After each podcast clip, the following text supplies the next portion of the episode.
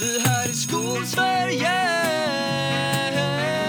Podden som handlar om den svenska skolan Med Karin Berg och Jakob Mölstam. Fredag den 22 januari 2021. Eh, Det är eftermiddag. Jag eh, fick ett samtal igår av min tränare som sa Hej Jakob, kan inte du komma och träna idag? Och jag sa jo, jag kan komma och träna idag. Och det hänger att göra, har att göra med att på det gymmet är vi tre personer i lokalen samtidigt. Alltså tre Ja. besökare.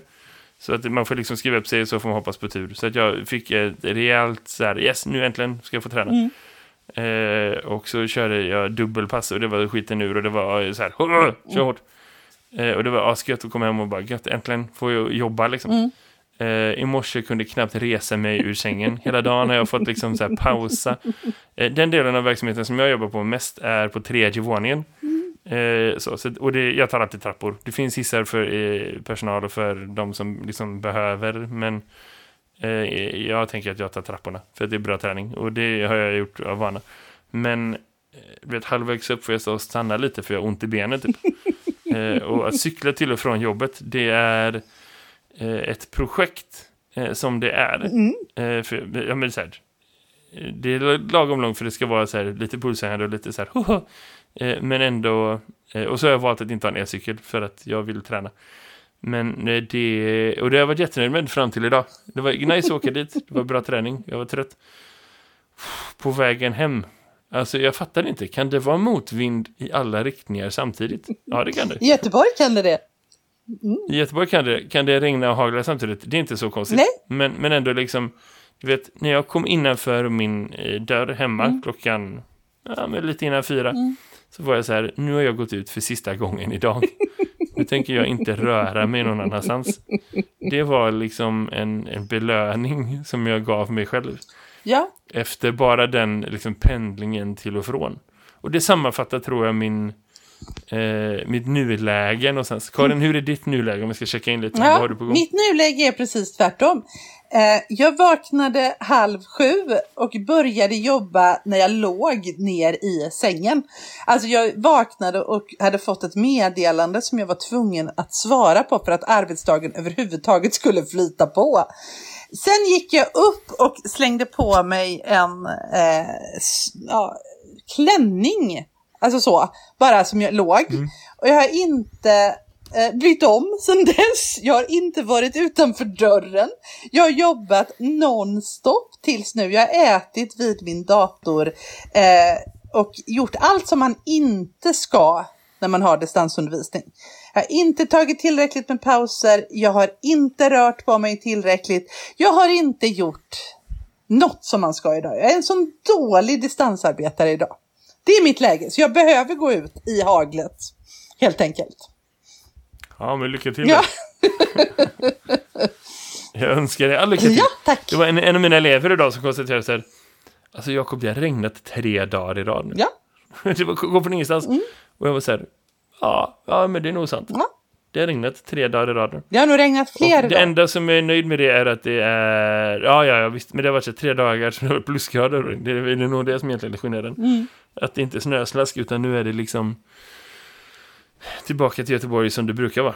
Ja, så är det. Ja, det är livet. Ja. Så är det, så är det, så är det. Ja, ett annat sak som är livet är ju att man får eh, lite nya eh, förutsättningar för sin verksamhet igen. Det har vi fått den här veckan. Det fick vi igår. Det- Nya, nya direktiv, Ja. nya direktiv, är det.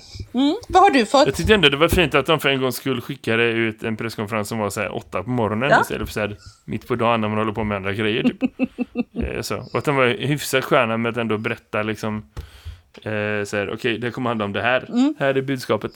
Fem minuter efter, efter den presskonferensen började så kunde man ändå checka ut och vara så här, okej, jag fattar. Så behöver man inte engagera sig så himla mycket mer. Nej. Om, för att sätta det i ett sammanhang där man kanske inte pendlar, alltså för att kunna lyssna på det efterhand utan att behöva gå tillbaka och lyssna på någon presskonferens, Mm. så handlar det om att efter, eh, efter att pandemilagen äntligen börjat gälla och efter att man har stängt ner många, många högstadieskolor eh, för att gå över på distans, det är väl egentligen det med ner. Mm. Att man har liksom haft distansundervisning på gymnasiet ganska länge nu, på heltid, Mm. Eh, utan att andra delar av samhället är särskilt bra på att svara upp egentligen Nej. eh, så har man väl insett att det är orimligt att vi ska ha ett land där liksom eh, 600 000 barn och unga inte kan gå till skolan. Men alla andra människor får bete sig precis hur man vill. Att det kan vara 160 pers på gymmet samtidigt att liksom att människor som inte får sälja alkohol längre går ut på gator och torg och skrämmer med kastruller och tror att det är synd, dem det är synd om. Mm. Det är liksom, det finns någonting i det som som är så här, här behöver vi kalibrera lite vad som är rätt och fel och vem som ska stå för vad. Mm. Och det är inte de, det, det kan inte vara bara de unga som ska behöva stå tillbaka med saker. Det är inte så vi reglerar för att det enklaste sättet att, att, att åstadkomma liksom förändring är att säga nu får två miljoner människor anpassa sig så här. Mm. Och då är det liksom landets elever och lärare vi pratar om. Eh, så. Men det funkar inte att det bara är så. Och det funkar inte att de ska dra hela lasset för att minska smittspridning. Och det var väl någonstans där som man kom in i det här. Att liksom, nej, vi kör vidare på de här restriktionerna. Och för alla utom skolan, där ska vi ändra lite på det, mildra lite på det. Och det är inte ett tecken på att alla andra kan få det chillare, utan det är ett tecken på att nu har de gjort sitt. Nu ska ni andra göra ert. Ja, lite så faktiskt. Ja, och även om de inte sa det rätt ut så var det väl så det kändes. Eh, Och man har inte kunnat säga det rätt ut förut. Nej. Det är ju det som är grejen, att pandemilagen gör det ju möjligt att styra andra verksamheter så som man har styrt skolan. Mm. Det är ju någonstans det som är grejen. Och jag längtar till att det börjar användas i skarpt läge. Mm. Ja, då kör vi köpcenter på distans. Kul. inte så svårt. det förstår jag egentligen inte, det borde vi ha kört från början. Köpcentrum på distans, elever på plats. Eh, men det, Ica på distans, kör hårt. ja, Hur svårt var det? nej, Och det är så synd om mjölkpaketen som inte får bli hämtade i butik. Vem fan bryr sig? ja, det, det är jättesmart. Jag tycker det. Ja, eh, vi, vi, nej men jag vet inte, det är en väldigt konstig värld vi lever i.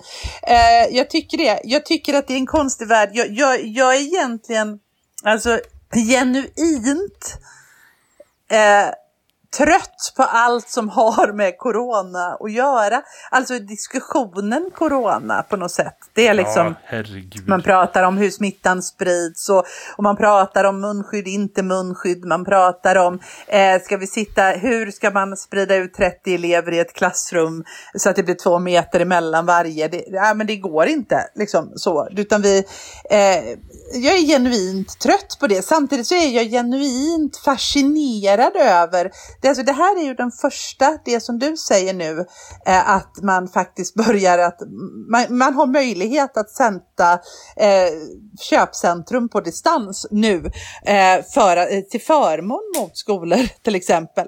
Eh, men vad jag inte, det som förvånar mig är ju att samhället kanske inte då, att man inte har uppmuntrat till exempel universitetet att låna ut lokaler eller få, eh, vet, Folkets hus kan låna ut lokaler så att vi kan sprida ut elever. Det skulle ju kunna liksom, det finns, det har inte, alltså människors kreativitet har inte fått blomma så mycket som jag tycker att den borde göra. Eh, vi, vi har inte varit så smidiga där, i alla fall inte när det kommer till skola.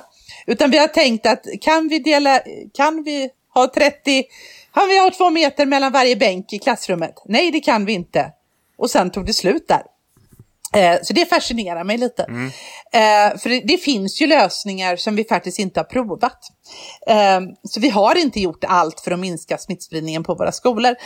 Det tycker inte jag. Men sen så är jag ju lite... Jag vet inte om jag ska säga, jag vet inte hur jag ska uttrycka mig, men jag, jag blev lite förvånad lite. Alltså det är ju väldigt många lärare som är väldigt, väldigt arga just nu.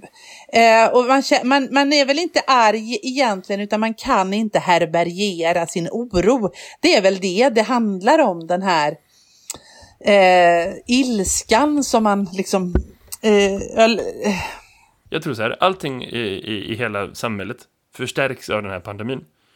Eh, så. Och för det har hållit på så himla länge nu, att liksom allting blir mer. Och då finns det en serie liksom brister och svagheter i hur skolan organiseras, hur läraryrkets liksom profession är beskaffad, hur våra fackliga liksom organisationer fungerar och så, som liksom dras till sin spets vid det här laget. Och ur det så kommer liksom konsekvenser av att vara systematiskt underfinansierad och systematiskt överarbetad. Att liksom man når en brytpunkt. Och det är katastrofalt tragiskt. Så. Jag tror det är det någonstans vi är ute efter. Eh, nej, men mitt problem, eh, men, men jag, jag, eh, ett exempel på detta då, eh, handlar om, eh, i, och det här är ett exempel, jag har sett många, men ett, ett exempel är igår när det här dök upp att eh, Alltså jag ser ju frustration, folk blev lite arga igår när det föreslogs att, att vi ska på lokal nivå eh, gå, eh, få avgöra om det ska vara distansundervisning eller inte. Och i min kommun så beslutades det att vi skulle vara fortsatt på distans. Ja, eh, och det var väl ingen som var förvånad över det. Alla som har läst statistiken vet ju det.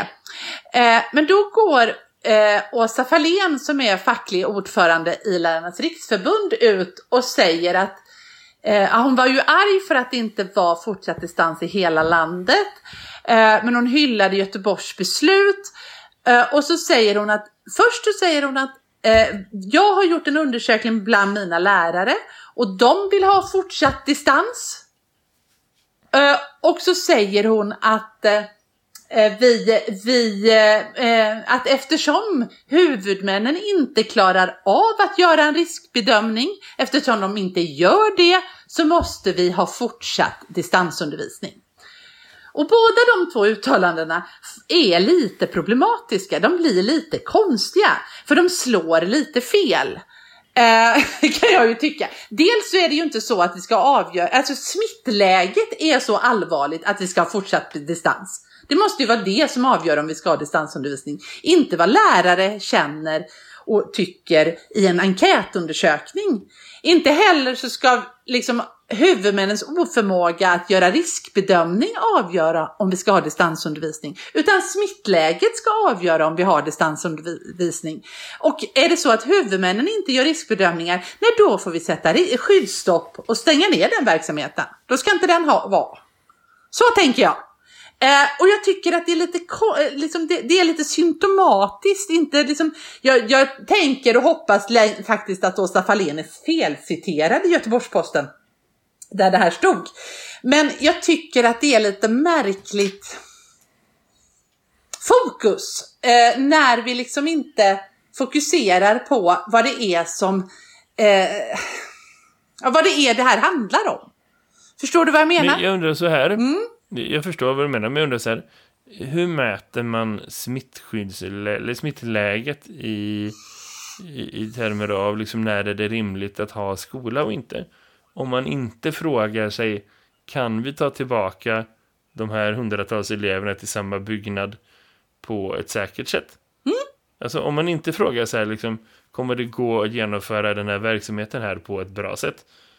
Är inte det ett ganska rimligt sätt att mäta om smittläget är bra nog för det, den verksamheten så? Jo. För menar, liksom, det finns ju inte en siffra där man kan säga så här att är det så här många personer som blir sjuka varje dag i en kommun eller så här många procent så, så går det att ha skola på halvtid. Här är det heltid, här är det inget alls. Alltså, det, det, utan det är ju liksom verksamheten och lokalerna och, och så som avgör. Mm. Vilket jag tycker talar för att man borde ha regionala eller lokala beslut om det. Mm. Kontra att ha liksom nationellt så länge som vi inte har en, en, en lika illa situation i hela det nationella skolsystemet. Så mm. för det ena. Och för det andra, liksom att man att, att, att lärare borde vara en del av den bedömningen. Jag tycker att det hade varit konstigt om man gjorde den bedömningen på Folkhälsomyndigheten och sa att så här, nej, nej, men det är ingen fara, det är klart vi kan ha verksamheten här man borde, det, det som borde vara olika roller, men det som borde komma från Folkhälsomyndigheten borde vara så här vi måste se till att det här och det här och det här finns mm. parallellt med den vanliga verksamheten. Mm. Det måste kunna gå att ha eh, ventilation eller liksom vädring och så. Det måste gå att liksom vara eh, maxa många personer samtidigt. Det måste gå att kunna liksom för, tillgodose det här och det här. Mm. Vi kan inte ha skoldagar som är längre än så här, för man borde inte ses längre på det sättet. Och sen går frågan vidare till huvudmän. Liksom, okay, kommer vi kunna genomföra det här? Mm. Och där får man tänka någon ledningsansvar tillsammans med medarbetare och så. Mm. Och att man liksom kämpar för att säga, ja men här måste det göras, liksom, här måste det följas liksom ordning eh, hela vägen igenom. Där man liksom kollar på varje individuell verksamhet och ser så här, kommer den här verksamheten klara av det? Kommer den här verksamheten klara av det? Mm. Kommer, en, tillräckligt många, kommer alla skolor i det här området klara av det? Mm. Det känns ändå som att det är en, en rimlig process att gå vidare i. Sen håller jag med om att det är lite dåligt kommunicerat, för det är så här riskanalysen i sig gör ju inte att det blir bättre eller sämre. Utan det är bara så här, har man undersökt på varje skola i den här huvudmannaorganisationen om det kommer gå eller inte? Och om man inte har gjort det, på vilka grunder fattar man de besluten? Förstår Ja, du? men, det, men, det känns som att mycket av det sker, sker i media och det är mycket man pratar om det liksom så här på Mm. så högre uppnivå. Bara, nu ska det vara så här. Man bara, jaha. och, och, varför?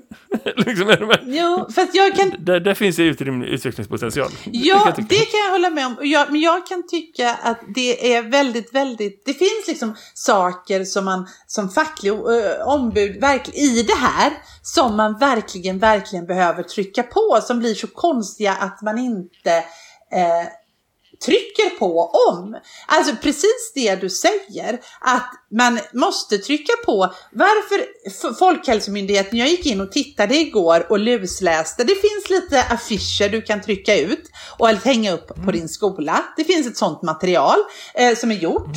Eh, det finns eh, lite förslag och de här förs- som huvudmannen kan titta på om de har lust för att smittsäkra sin verksamhet. Och det är verkligen så milda förslag att de är lite förslag att du ser till att det finns tvål.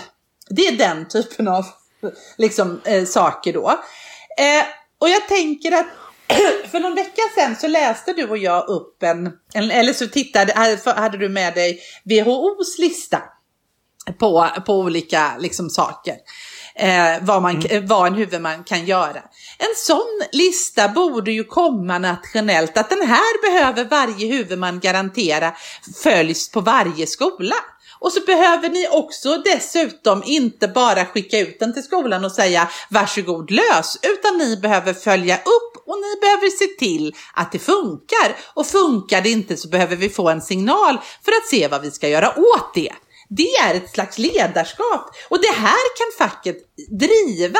Men inte bara skrika efter distansundervisning, för distansundervisning blir ju den enkla vägen ut ur en, eh, liksom, det blir ju, eleverna får ju betala eh, för huvudmannens fullständiga haveri. För så är det ju. Huvudmannen är ju en, ett skämt i det här.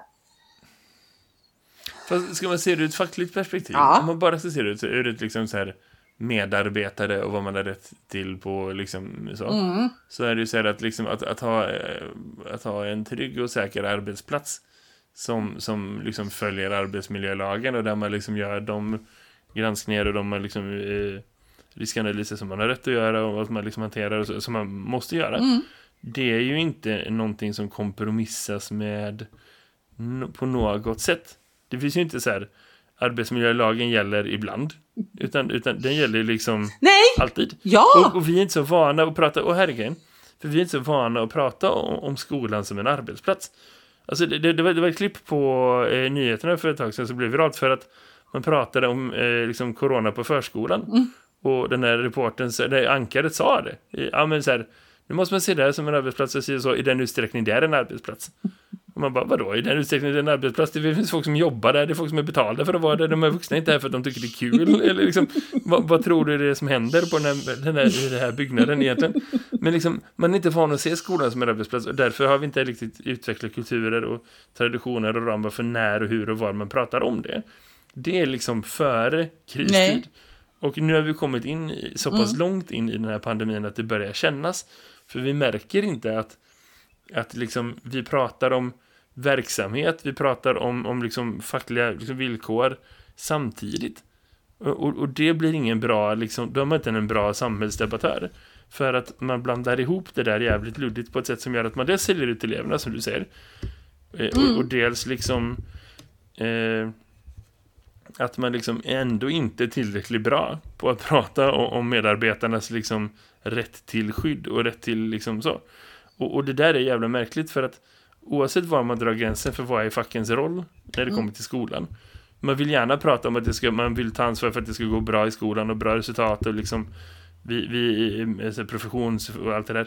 Men, men samtidigt så är det ju så att det hade ju aldrig varit rimligt att man som fackförbund företrädde elever snarare än lärare.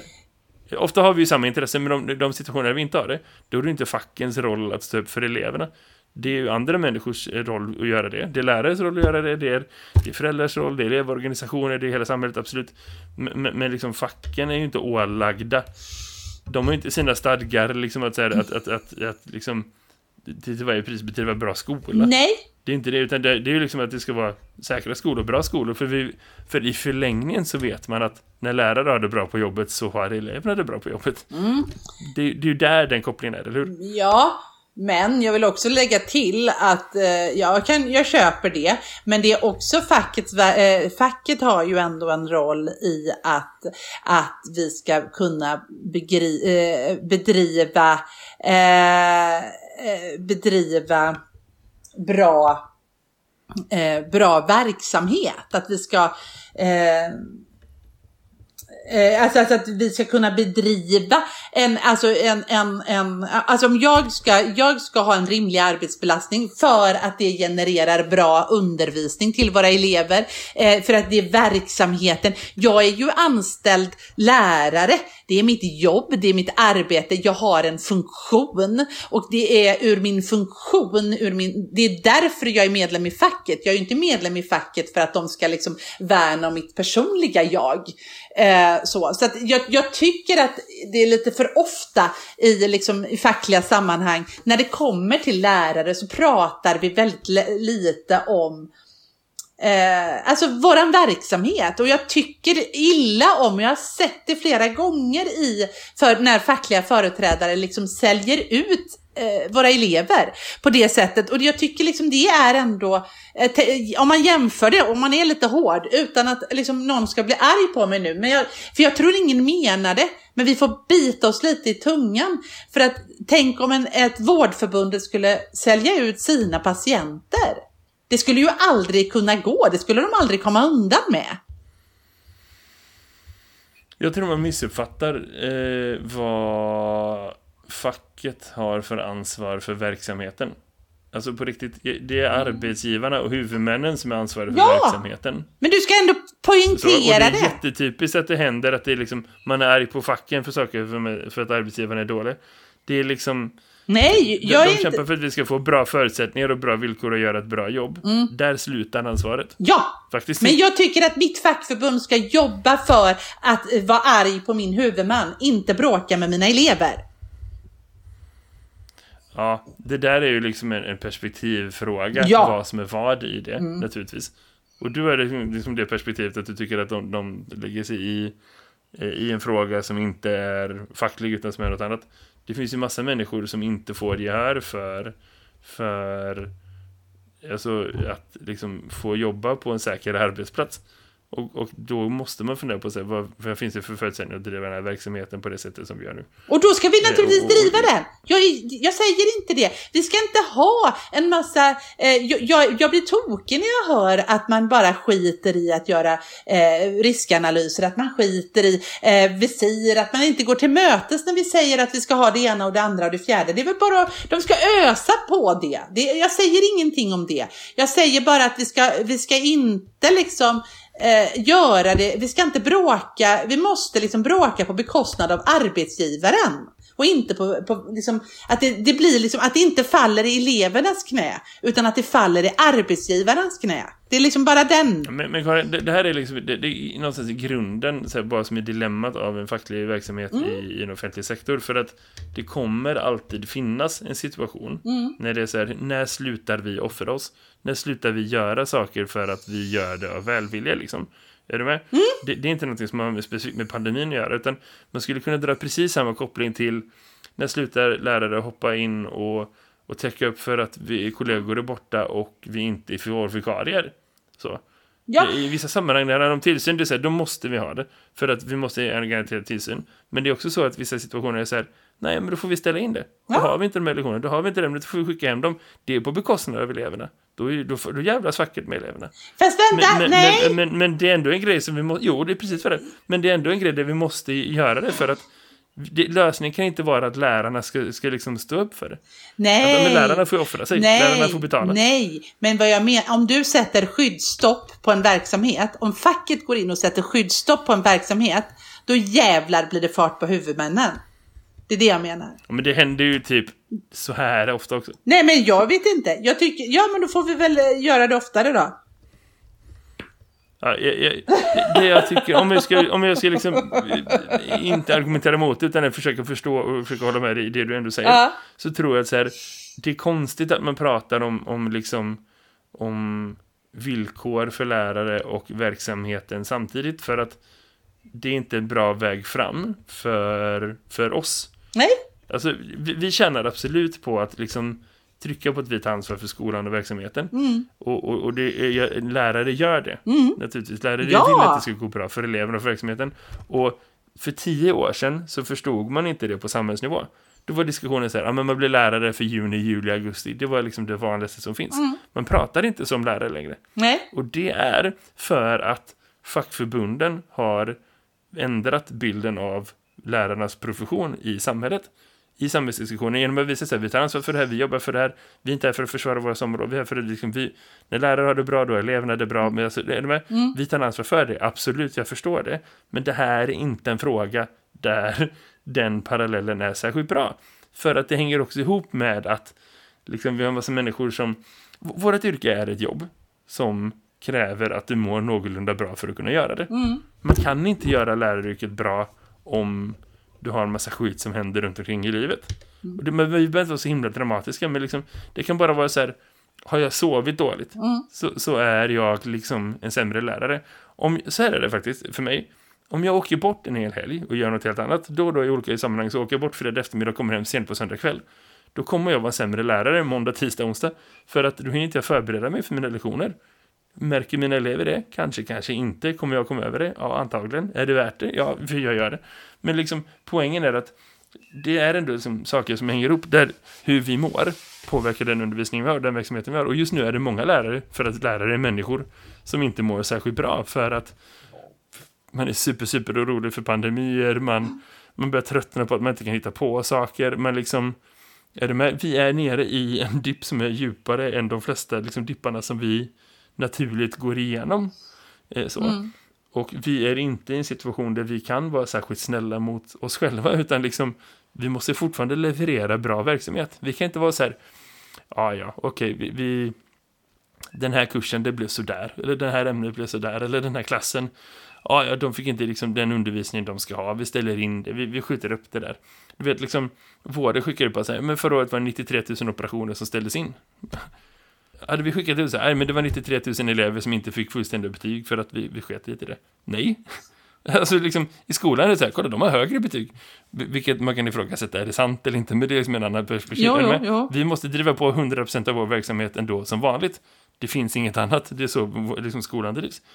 Och i det så är det liksom en krock som blir super, super dålig. Och det är den som fackförbunden borde betona. Mm. Istället för att betona liksom någon så här konstig liksom att, ja men de landar fel i det. Mm. Och det är det som jag så får hålla med om. Det där är det som du eh, tog fram. Mm. Det här som är liksom att, ja men vi har inte gjort några riskanalyser så vi kräver distanser och så. Eller att man liksom försöker så här, slå sig på bröstet och bara, kolla vi är stora, vi är starka, vi är bra, vi ska, vi ska nu äntligen ska vi vara ett riktigt fackförbund som kämpar för våra medlemmar. Som båda lärarorganisationerna gör. Mm. När det är så här, ja men det där kanske liksom talar till publiken. Du kanske får lite applåder för det och framförallt du får skit för det om du inte gör det. men liksom, ja men det är det som kommer hända. Mm. Det, det, jag, jag, ska vi vara helt ärliga, 25-30% rädsla bakom sådana beslut när man kommunicerar. alltså liksom, man vill inte vara den som inte ser ut som att man tar corona på allvar för att det kan du förlora medlemmar på och det kan vara slutet för liksom så. Så att där någonstans ska vi ändå vara, eh, tror jag, eh, att man ska vara liksom vara ärlig och säga att det är det det handlar om. Mer än att man kanske nödvändigtvis tror att det är den bästa vägen fram. Men, men det är synd när det tar mer tid än att liksom på riktigt hjälpa lärare för att få det bra. För vad som händer med skolan just nu, vad, vad vi är på väg in i, men som vi inte riktigt sätter fingret på, för det är inte lika mä- mätbart som liksom alla andra hundra kriser som pågår samtidigt. Det är att liksom lärare som fortsätter att vara på jobbet, fortsätter dag efter dag efter dag, fast att de inte mår bra, fast att de inte klarar det, fast att de egentligen inte riktigt liksom är så bra som man vill vara eller så skulle kunna vara. De bränner broar just nu. Mm. Det är inte som att om ett halvår när alla är vaccinerade så kommer de kunna gå tillbaka till klassrummet och vara så här, just det, vad var vi, nu fortsätter vi. De har liksom tappat elevgrupper som de inte kommer att få tillbaka. De har tappat förtroenden hos föräldrar som de inte kommer att kunna få tillbaka. Och jag ser inte att alla lärare är så, men det finns lärare som, som, har kommit till den punkten. Och det är det är så otroligt sorgligt att det är så. Det är så otroligt sorgligt för de eleverna mm. som får en skolgång som är mycket, mycket sämre än vad den skulle kunna vara. Men som ingen annan riktigt ser, för det går inte att mäta. Och det är så otroligt sorgligt för grymt professionella lärare som skulle kunna liksom fortsätta vara asbra. Och som, som skulle kunna ta sig igenom det så här, ah, okej, okay, 2020, 2021, det var två dåliga år.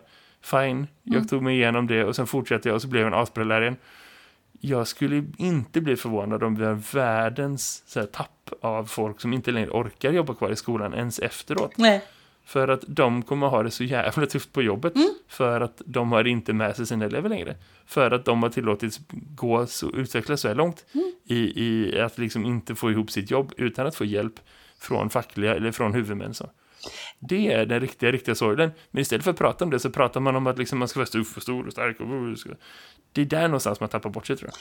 Ja men jag håller med dig om det och du är duktig på att, och liksom sortera i, i när jag blir arg. Det tycker jag är roligt. Eh, för jag, för jag, jag, blir ju, men jag har ju en, en väldigt kort stubin och samtidigt som jag, nej, alltså jag, tycker, jag, jag tror att du sätter fingret på det som jag går och, och blir ledsen över. Jag, jag, jag tror liksom det, det, finns någonting här Eh, alltså det finns fan en plats i helvetet för varje huvudman som inte gör eh, liksom allt vad de kan för att lösa den här situationen så bra som möjligt. Och att liksom mm. eh, eh verkligen eh, liksom verkligen ge sina elever, sina lärare och därför sina elever eh, möjlighet att, att nu fokuserar vi på bara eleverna. Det är bara det som mm. gäller nu. Nu ska vi inte läsa den här boken, den här jävla New Public Management-listan behöver vi inte fylla i. Det här skiter vi Vi knycklar det här. Vi har inte de här, den här medarbetartramset som vi måste göra här nu. Utan nu är det du och eleverna, vad kan vi göra för er? Ställ, kan vi komma och provvakta? Alltså tjänstemännen, varför står de inte på kö? Kan vi komma, kan vi underlätta? Vad kan vi göra? Varför står inte varje huvudman så? Eh, och varför säger vi inte till, varför liksom för vi inte den fackliga kampen att kom igen nu då, visa ni har värsta chansen. Det hade istället blir det så här, och att vi raljerar och vi tramsar. Kom igen för guds skull. Men igen, jag tror det sätter fingret på hur brutet systemet är. Ja! Det riktigt, riktigt, riktigt tragiska är liksom att vi har en skolsystem som är så extremt dåligt. Ja. Som är så extremt dåligt och som bara hålls ihop med tejp och det håller inte längre. Nej. Och, och, det är det som liksom någonstans får fingret, eh, som, som sätter fingret på det. Mm. Jag menar, det, det är precis, eh, anledningen till att det inte är så är att, för att liksom de tjänstemän som jobbar högre upp jobbar inte för oss ändå. Nej. Det är ju där någonstans, det, de har aldrig gjort Nej. det. Det är inte som att de nu inte gör det. De, de har ju bara fortsatt som alltid. Ja. Och det, men det är där någonstans som är liksom i, i, i den här, du säger, men det finns en särskild plats i helvetet för huvudmän som inte liksom tar det på allvar. Det är ju bara för att de aldrig gjort det förut heller. Nej. Jag menar, hur många friskolor kommer fortsätta ta 20% vinstuttag även i år? Precis likadant. Ja. Men, men, men det skaver tio gånger värre när de inte liksom gör allt det som du listade naturligtvis. Men de fortsätter på precis samma sätt som förut. Och det är bara en del av ett mönster som alltid har funnits här. För att så funkar de och det finns ingen som reglerar det. Någonstans vad jag hoppas ska komma ur det här är att vi förstår precis hur paj skolsystemet är. Mm. Och det är precis det du säger naturligtvis. Alltså, vi borde fokusera på kärnverksamhet. Och vi, vi måste liksom blanda. Vi, vi, kan inte längre vänta med att ha de här diskussionerna om, om så här, vad är det som kommer sen. Vi måste prata här och nu. Jag har beställt in nationella proven man kanske borde ställa in alla betyg som inte är avgångs eller som, som inte är slutbetyg. Mm. För att vi har inte tid med den skiten heller. Och liksom man kanske borde säga, ja men vi ska införa en ny kursplan efter sommaren ändå. Som är förenklad och reviderad och så. Okej, okay, men då gör vi så att vi fokuserar fram till dess på att det här får vara bra då.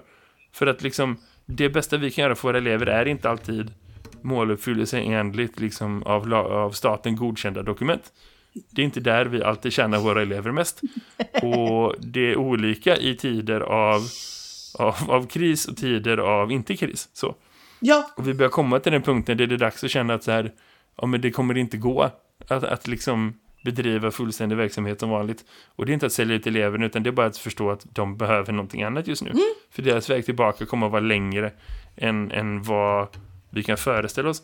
Eh, Joe Biden sa en, en, en mening i, i sitt tal i, när han installerades till president för ett, ett av de bästa installationstalen som jag någonsin har läst. Men eh, han förklarade om den amerikanska situationen och de har det färre än vad vi har. ja. Men, men när han började summera liksom att situationen i just nu, då berättade han en grej som en fakta som bara fick mig att tänka till. Att på ett år så är det dött fler amerikaner än vad det gjorde under, under hela andra världskriget. Under ett år har det dött fler amerikaner än under hela andra världskriget. Och om det bara är en ögonblicksbild av vad det är för liksom samhälle som våra elever lever i just nu, så är det så här, ja, nej, vi behöver vara där lite mer. Vi behöver liksom fokusera lite mer på kärnverksamhet. Och det måste liksom vara hela vägen igenom. Och det är precis. Mm. Och det är en sak som vi behöver jobba med. Men det är också så att vi måste också samtidigt ha parallella diskussioner med så här, hur ser vi till att det aldrig blir så här dåligt igen? Och jag undrar om inte det är egentligen det som våra tjänstemän borde jobba mer med. Att, att liksom, framförallt våra beslutsfattare och våra makthavare. För varenda tjänsteman eller tjänsteperson är inte liksom en person som reellt har någon makt. Men man borde fundera på var man är där man är. Och vara säker på så här, hur kan vi förändra skolsystemet så att vi aldrig har det så här brutet och så här paj igen. För att liksom om vi en vanlig fredag i januari 2019 kunde lita på att ah, ja, men det mesta som dyker upp kommer lärarna kunna fixa. Det här blir bra. Det är inte att ha ett skolsystem. Det är ju där någonstans det är, hur? Nej men det är ju inte att ha ett skolsystem, det är inte ens att ha en plan, det är ingenting. Och någonstans så har ju den här pandemin visat det och det är någonstans, det är där vi måste resa oss. Och jag tycker faktiskt inte att fokusera på kärnverksamhet är att sälja ut eleverna. Jag tycker inte att ställa in betygen är att sälja ut eleverna, utan snarare är ju det att faktiskt ge eleverna det de har rätt till. Det här måste få konsekvenser, vi måste ge dem mer. Och det är liksom eh, ge, dem, liksom, ge dem en chans att på något sätt, på ett rimligt sätt ta ikapp det här. Vi pratade idag på min arbetsplats om att eh, vi, vi kanske, för att eftersom de är så mycket sjuka, eh, vi hade något, något prov nu då, eh, så är det nio stycken som inte kommer av 30. Eh, jag har varit i, i januari här nu.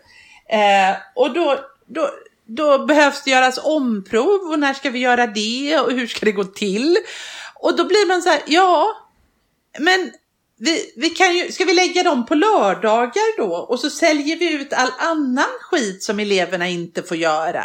Eh, alltså det, det kommer ju inte att, alltså de är redan så hårt ansträngda. Det kanske är så att det vi, eh, jag har skojat men vi har en rolig grej, vi skjuter upp saker på jobbet. Alltså det vi kan skjuta upp, det skjuter vi upp. Allt vi kan skjuta upp, skjuter vi upp. Eh, som, som inte har med måsten att göra, som inte har med eleverna att göra. Eh, det är viktigare för mig att vara i mina samtal med eleverna än massa annan skit som jag kan skjuta upp. Så då skjuter jag upp det. Ja, jag är inte säker på att vi kommer kunna prata om att man ska ta igen saker. Jag är inte säker på att vi kan hålla fast vid idén om att det här går att ta igen. Alltså, Nej. inte för att det är för alltid förlorat, men jag är inte säker på att Nej. på att vi, vi kan liksom ha en lista med saker som är så här, det här gör vi sen. För att den är för lång. Och det är för mycket och det, vi ser inte konsekvenserna för det. Och det bästa som det kan leda till är att vi en dag säger, nu har de tagit igen det. Och det kommer vi aldrig kunna säga utan att blunda för en, en del av det som händer nu. Och det tror inte jag vi kan göra. Nej, Jag vet inte Karin. Jag, jag, jag bara känner att det, det där med att ta igen saker. Jag, vi Nej, och jag får ta tänker- igenom. Nej, men vi ska ta oss igenom, vi ska kanske inte ta igen, men vi kan också tänka att vi har lärt oss någonting annat. Och de unga människorna som vi har, som jag har i min verksamhet eh, just nu och som du har i din verksamhet just nu, de behöver oss. Och, och, och ja, vi ska inte dö på kuppen. Nej, vi ska inte köpa att stå liksom och knö i bambakön, vare sig för lärarnas skull, elevernas skull eller för någons skull. Vi ska liksom ha ordning och reda i våra skollokaler eh, och vi ska kräva det av arbetsgivaren och vi ska inte låta arbetsgivaren komma undan. Eh, vare sig arbetsgivaren heter Anna Ekström och Anna Ekström som faktiskt fick ur sig på presskonferensen igår att de har klarat detta bra eh, huvudmännen. att de fick beröm igår kommer jag, in, kommer jag ha svårt att smälta faktiskt. Men jag tror så här, eh, att för att lägga till en punkt på den listan av saker du pratar om och sen mm. nej, vi ska inte ta det här och det här och det här. Det är också så här att liksom, känner man att säga, jag klarar inte av mm. att vara den läraren nej. jag vill vara just nu. För jag kan inte liksom hålla ihop det. Jag kan inte vara på det sättet att jag kan inte vara en positiv liksom, förebild och ledare för mina elever och vägleda dem i deras oro och liksom möta dem där de är då är man inte en dålig lärare. Nej. Då mår du inte bra. Och det är jävlar med massa människor som inte mår bra nu. Det är inte ett misslyckande, det är bara så livet är. Och det är din arbetsgivare som har en skyldighet att hjälpa dig med det. Det har de en skyldighet att hjälpa dig med. Det måste de ta mycket, mycket större ansvar för. Det är hundra gånger värre än när får jag min visir eller när kommer det med det här och det här. För allt det där kan vi ta oss igenom. Men den grejen fixar vi inte på egen hand. Och det tycker jag är faktiskt är veckans lärdom. Ja, jag tror det. Mm. Du vet vad, det, finns, det, skulle kunna vara värre. Jag ska ge dig ett exempel. Eh, en 60 sekunders historia. Eh, det har funnits en pågående diskussion de senaste åren i USA kopplat till historieundervisning. För man är inte helt säker på när USA grundades. För det är ju liksom en perspektivfråga såklart. Man pratar om att säga USA startades 1776 och liksom det är det alla barn får lära sig. För då satt ett gäng vita slavägare och bara nu ska vi behöva, behöva. Men så har det funnits en rörelse som liksom menar på att man borde undervisa i skolan att USA grundades 1619, för det var då slavarna kom till USA. Mm -hmm. Och liksom allting som hände efter det är byggt av slavar på ett eller annat sätt, mm. typ. Och ja, det finns massa historieforskare som säger äh, mm, äh, mm, äh. Men, men det har ändå funnits en diskussion. Mm. Och liksom, tänk dig att den diskussionen också har förts de senaste fyra åren med den politiska ledarskapet som har funnits. Från en skolminister som aldrig sätter fot i en skola. Kanske inte ens som elev, som varit helt värdelös. till, liksom, till, till Trump och så. Så, så det slutade med att Trump bestämde en själv att vi ska ha en kommission, vi ska förbjuda det här, vi ska styra upp det här, så här ska historia undervisas. En av de första grejerna som Joe Biden gjorde som president var att han gick in på kongressen, satte sig ner vid något random skrivbord och bara nu ska jag skriva på 17 nya order, nu gör vi så här. Mm. Nu bestämmer jag grejer. Det är så här, vi ska sluta förbjuda folk från muslimskt eh, dominerade länder. Vi ska gå med i WHO igen, vi ska gå med i Parisavtalet igen. En sån grej var en av de 17 som inte kommer skrivas mest om, men som man som lärare kan vara så här, det var att han bestämde att den här idiotkommissionen att vi inte ska undervisa om liksom hur det egentligen var, ja, den lägger vi ner. Det hände liksom mindre än en timme efter att han blev president. Okej, okay, alla ni kan gå hem. ni förtjänar inte det. Lägg ner.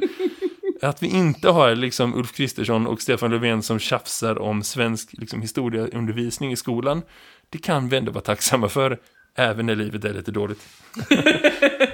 det kan vi absolut. Eh, bra att du ändå avsl avslutar på topp, Jakob. Ta tack för att jag fick lägga... Ja, det blev ett avsnitt av det här också. Ja. Ha det gött, hej. hej, hej. Det här är Skolsverige